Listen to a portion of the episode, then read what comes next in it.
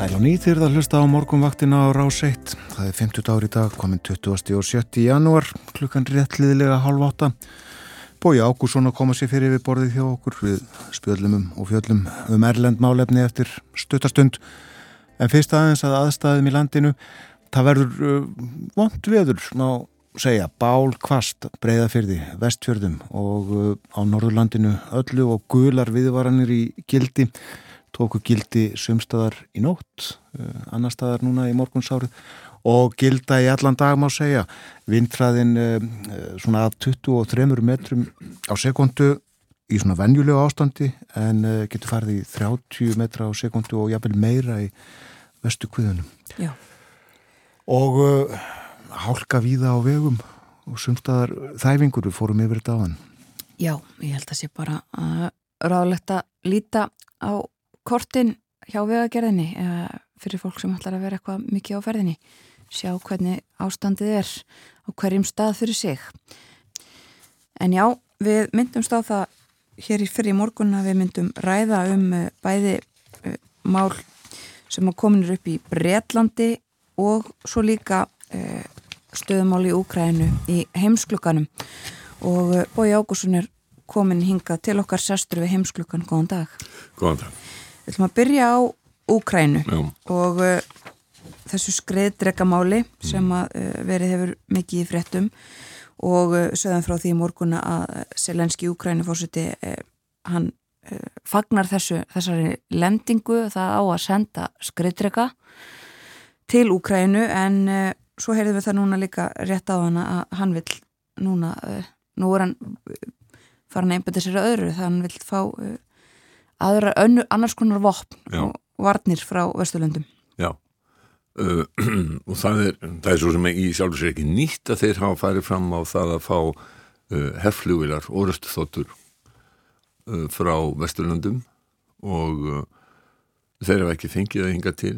Sko, ef, ef, við, ef við horfum 10-11 mánuði tilbaka til upphafs innrásar að rússa þá uh, hefur orðið algjör breyting á hugsunarhætti hjá vestrænum ríkjum hvað var það þau vopp sem að þau eru tilbúin til þess að láta Ukrænum en fá.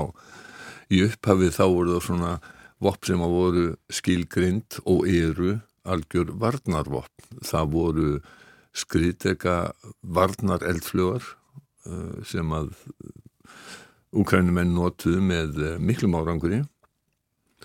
Sko það tóð hafði engin trú á því að Úkraina gæti staðist og rúsneska hernum snúning. Það var tvent í því, menn vannmótu varnar vilja Úkrainu og ofmátu getu rúsneska hersins. Eh, Þannig Úkrænumennum tókst að eh, verjast aðal árásinni á Kænugarð, Kíð, höfuborgina og uh, þá breytist viðþorfið og þeir fá svona, já þeir fá umtalsvægt magnavopnum, þetta er aðalega varnavopn. Svo hefur þetta smá saman verið að breytast og þrátt fyrir hótanir rússa sem alltaf hafa hótað eldi og brennisteini gangi í Vesturlund lengra í, í vopnasendingum að þá er svo komið núna að eh,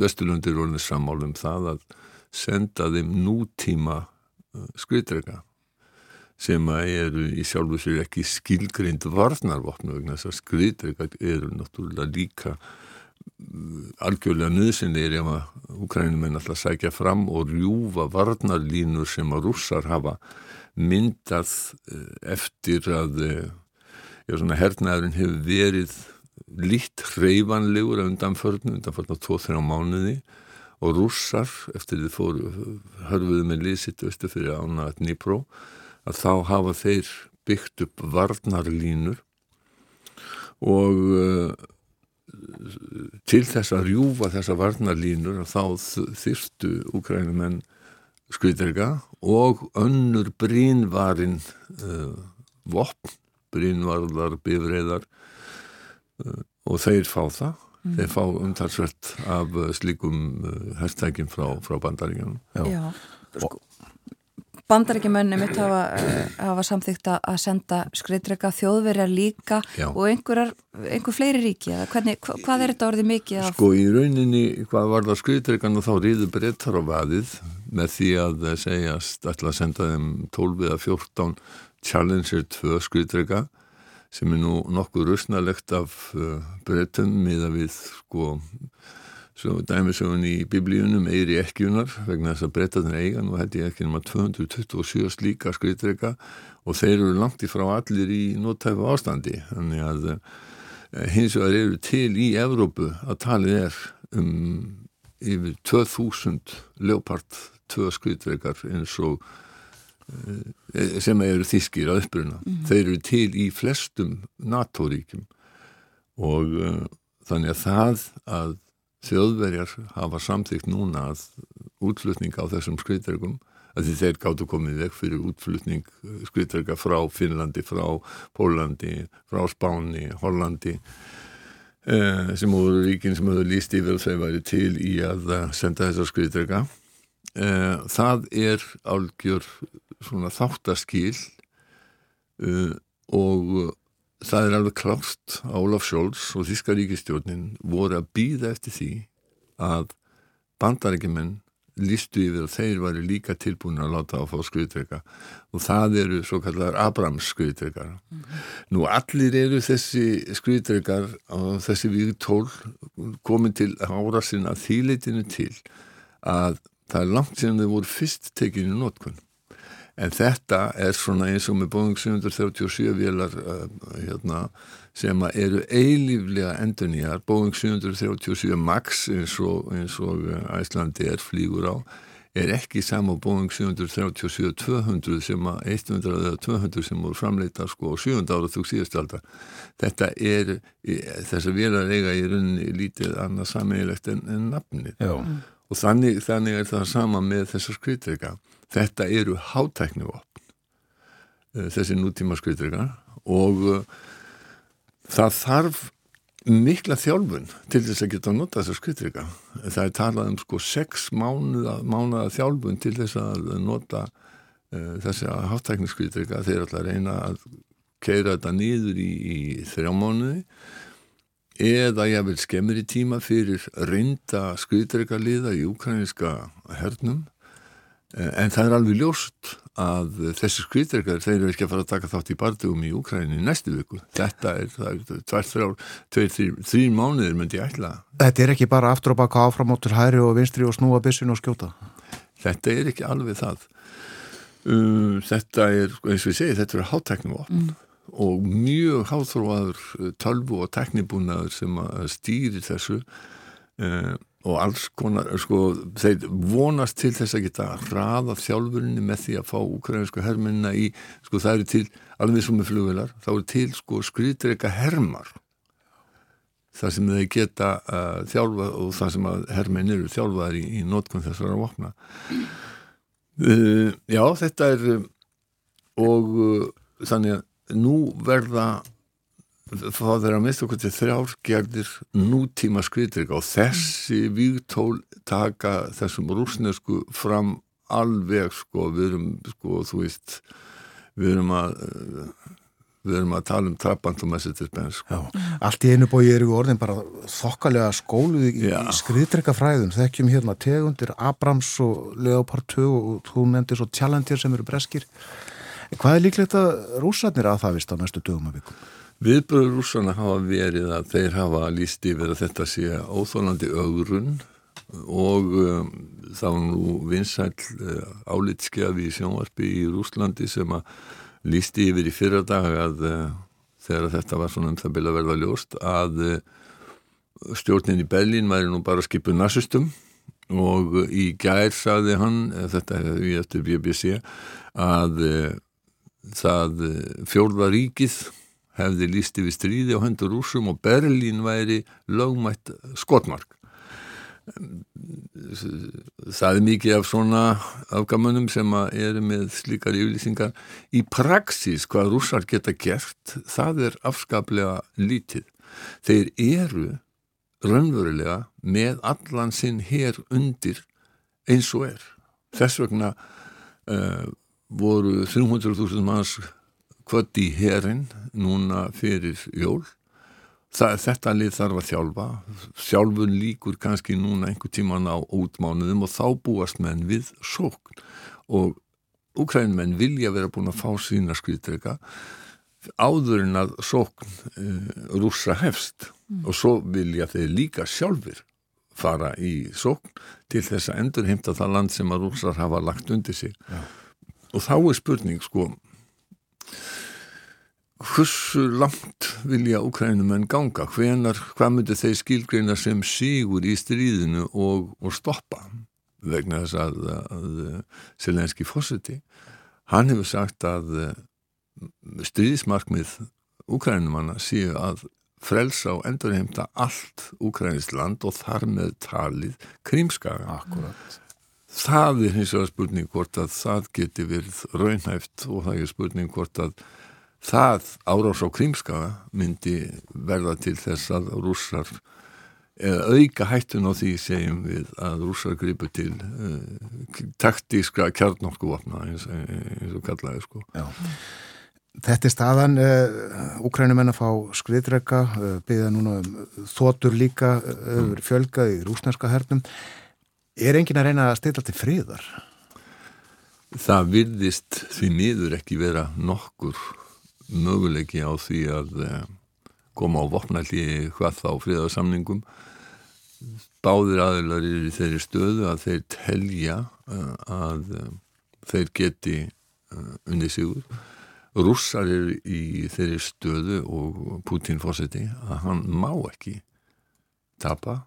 Þá er út um hann og þá getur hugsanlega en þá meðri hálfvita tekið við völdum í, í Kreml. Já þeir eru til. En það fullt aðeins það er alveg sko það, það, er, það er engin skortur á, á hérna en þá vilsræri mönnum heldur en, heldur en Vladimir Putin. Um, þannig að og það er það sem að menn oftast helst að það, að ef að Putin rekst frá völdum að þá kemur ennþá róttakari eh, menn sem að væru sem hefði ekki þær hömlu sem hann þó virðist hafa ennþá.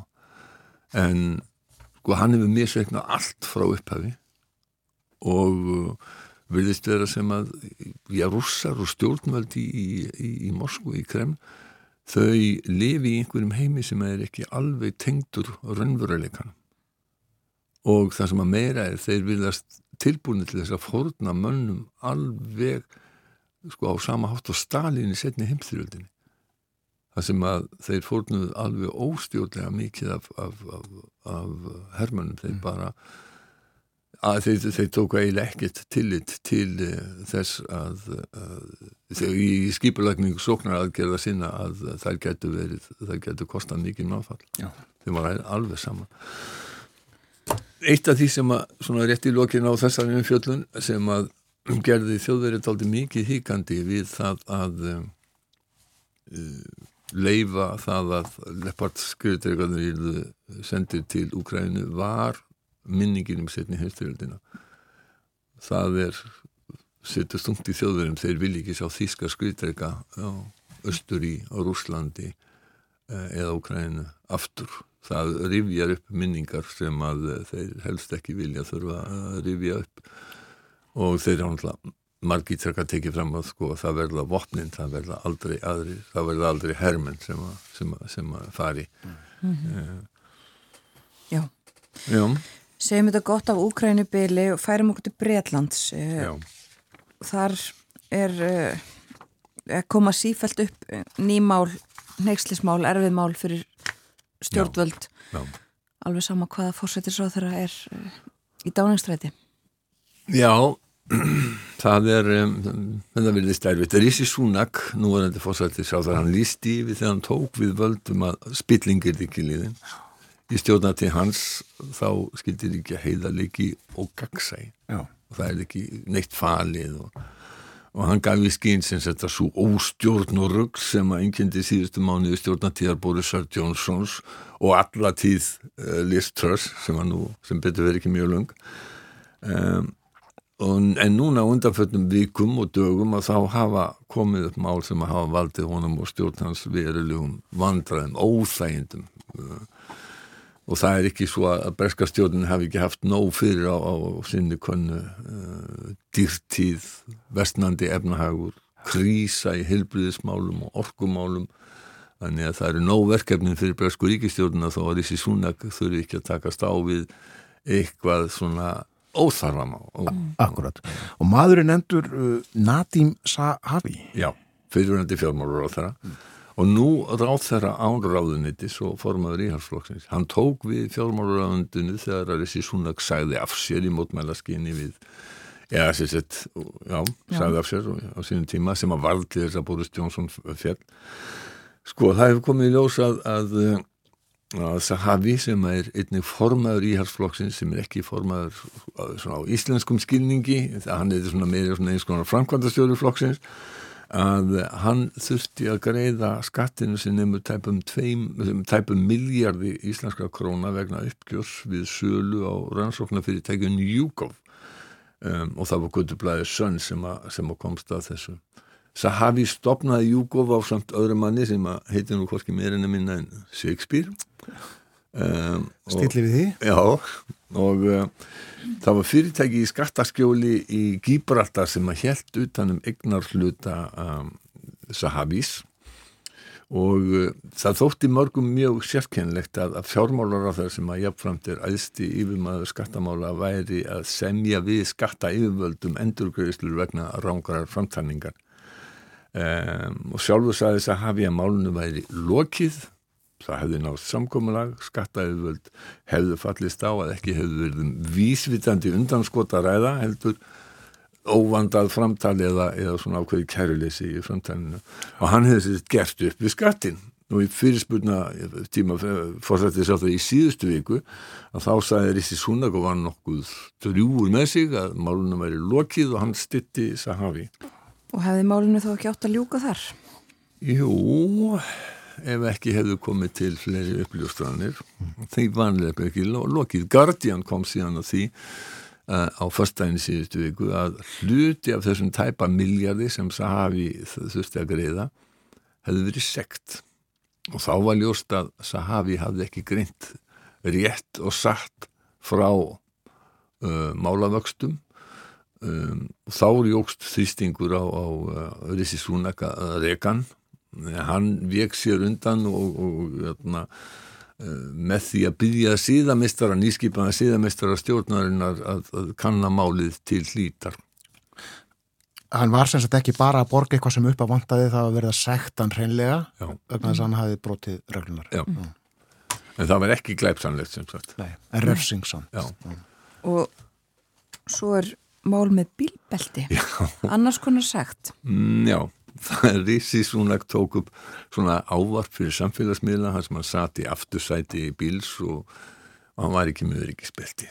Og það er lagabrótt og hann fekk sekt fyrir það er annarskipti sem hann er sekt að fyrirskiptið var það þegar hann var í visslu í dáningsstræti á tímum Borisar Johnsons og, og, og þau vissluheld voru brota á ströngum sóttarnareglum sko öllum líkindum var hann vegna þess að hann kom á snemma á fund sem hann var bóðaður á og hann gekk inn, í, inn, inn á hérna, einhverja svona visslu sem hann var, hann var í sjálfsvíkt bóðin í. Hann það, það, þetta var svona klaufagangur seinhefni og, og, en hann fekk segt fyrir það. Já Og svo er uh, mál stjórnaformans Breska Ríkisútarsins líka flækist fyrir stjórninni. Já, það er aflið frá tímum Jónsson sem að skipa Richard Sharp, stjórnaforman Breska Ríkisútarsins. Stjórnaformanum er ætlað að standa vörðum sjálfstæði BBC, kakart stjórnmöldum og öðrum sem sagt gæta að almanur þjónustu hlutverkinu. Sharp starfaði í dáningstæti 10 á, á tímum Jónsons sem fjármálur áðgefi og svo hafði hann millíkungum að Boris Johnson fengi 800.000 pundar lán, það er dæpur hálfur annar miljardu íslenskar króna. Og þetta var skömmuðurinn að sjarpa að skipaðu stjórnarformað BBC mm. Mm, einhver tengsl? Mm, sko, já eh, en allt þetta hefur orðið til þess að rifja upp að, rifja upp að kona Súnaks, hún komst hjá miljónar skattagriðslu með því að hafa heimilisfesti utan Breitlands, non-dom og einsku Og þetta kom allt upp í fyrirspurnatíma í Beskaþinginu í gær þegar að Stephen Flynn í leitu í skorska þjóðarflokksins spurði fórsættisráður ég hefðnist tónum ráð til þess að passa upp á peningana sína. Ætti fólk að byggja verðandi stjórnaforman BBC um útvega sér 800.000 pundar lán á fólk að setja í sjóði ekki í brallar og vonast til þess að skatturinn tækja ekki eftir því eða eftir fólk að gera eins og aðri hefur gert að skrá sitt utan Breitlands. Mr Speaker, may I ask the Prime Minister, what advice would he have for individuals seeking to protect their personal finances? Should they seek out a future chair of the BBC to help secure an £800,000 loan? Should they set up a trust in Gibraltar and hope that HMRC simply don't notice? Or should they do as others have done and simply apply for non-dom status? Já. Og hverju svaraði svona þessu? Hann, hvernig svaraði það? Þú getur það ekki. Hann, hann, hann, hann svaraði ekki. Hann sagði bara ríkistjórnin Hún stytti fátæka með niðugreistum orkukostnaði, hefði hækkað lámaslöðun og stutti pensjónista þannig stuðlaði ríkistjórna fjárhagslu öryggi. Uh, Mr Speaker, I'm proud of the record of this government is supporting the most vulnerable in our society. Just this winter, helping all families £900 with their energy bills, raising the national living wage to record levels and ensuring that our pensioners get the support they need. That's what this government is doing to ensure financial security in this country. Stephen Flynn spurði þá sko hvaða spurningu var fórsættis á það að svara. Það var ekki spurningin sem að hann hefði spurt og svo taldi hann upp mynda syndir íharsflokksins og sagði að lokum að hafa skild væri nokkuð fyrða að skota teldu íharsflokkin samsapt þrjóta. Is it little wonder that people in Scotland may well just consider the Tory party to be a parcel of rogues? Yeah. Sko það hafa dukkaði bóðið bórið nokkur svona mál sem hafa valdið í síðan svona vandræðum sem eru klauðvali og vandræðali um, fyrir utan þetta með bílbettið eru kannski ekki hans sög mm -hmm. og, og Economist líkir um, Rissi Súnak við Paul Pennyfeather sem er sögu hittjan í skáltsugu eftir Evelyn Vaughan sem að hitta Decline and Fall Pennyfeather er seinheppin og sífælt að lenda í vandræðum sem er ekki hans sög hann er reygin Oxford Háskóla þar sem hann stundaði námi í Guðfræði Hann hafði orðið á vegi drukkina stúdenta í Bollinger Club sem klættan úr buksunum svo að hann var að fara heims til sín á, á sinn garð buksnalöðis og svo hann reykinn daginn eftir fyrir ósissemi ormannafæri. Fyllir aftarnar í Bollinger Club sluppuðu þetta mm. Sko nafnklúpsins, Bollinger, er auðvitað sláandi líkt nafni raunverulegs matar eða drikkjuklúps ríkra Karlkins Oxford stúdenta sem eru fínustu engaskólum Breitlands, svo sem Eton og Harrow. Raunverulegi klúpurinn heitir Burlington klúp. Og við konumst nú við nokkra sem að það hafa verið. Já, svona einnið á tvo, meðan þeirra eru David Cameron og Boris Johnson. Takk fyrir í dag.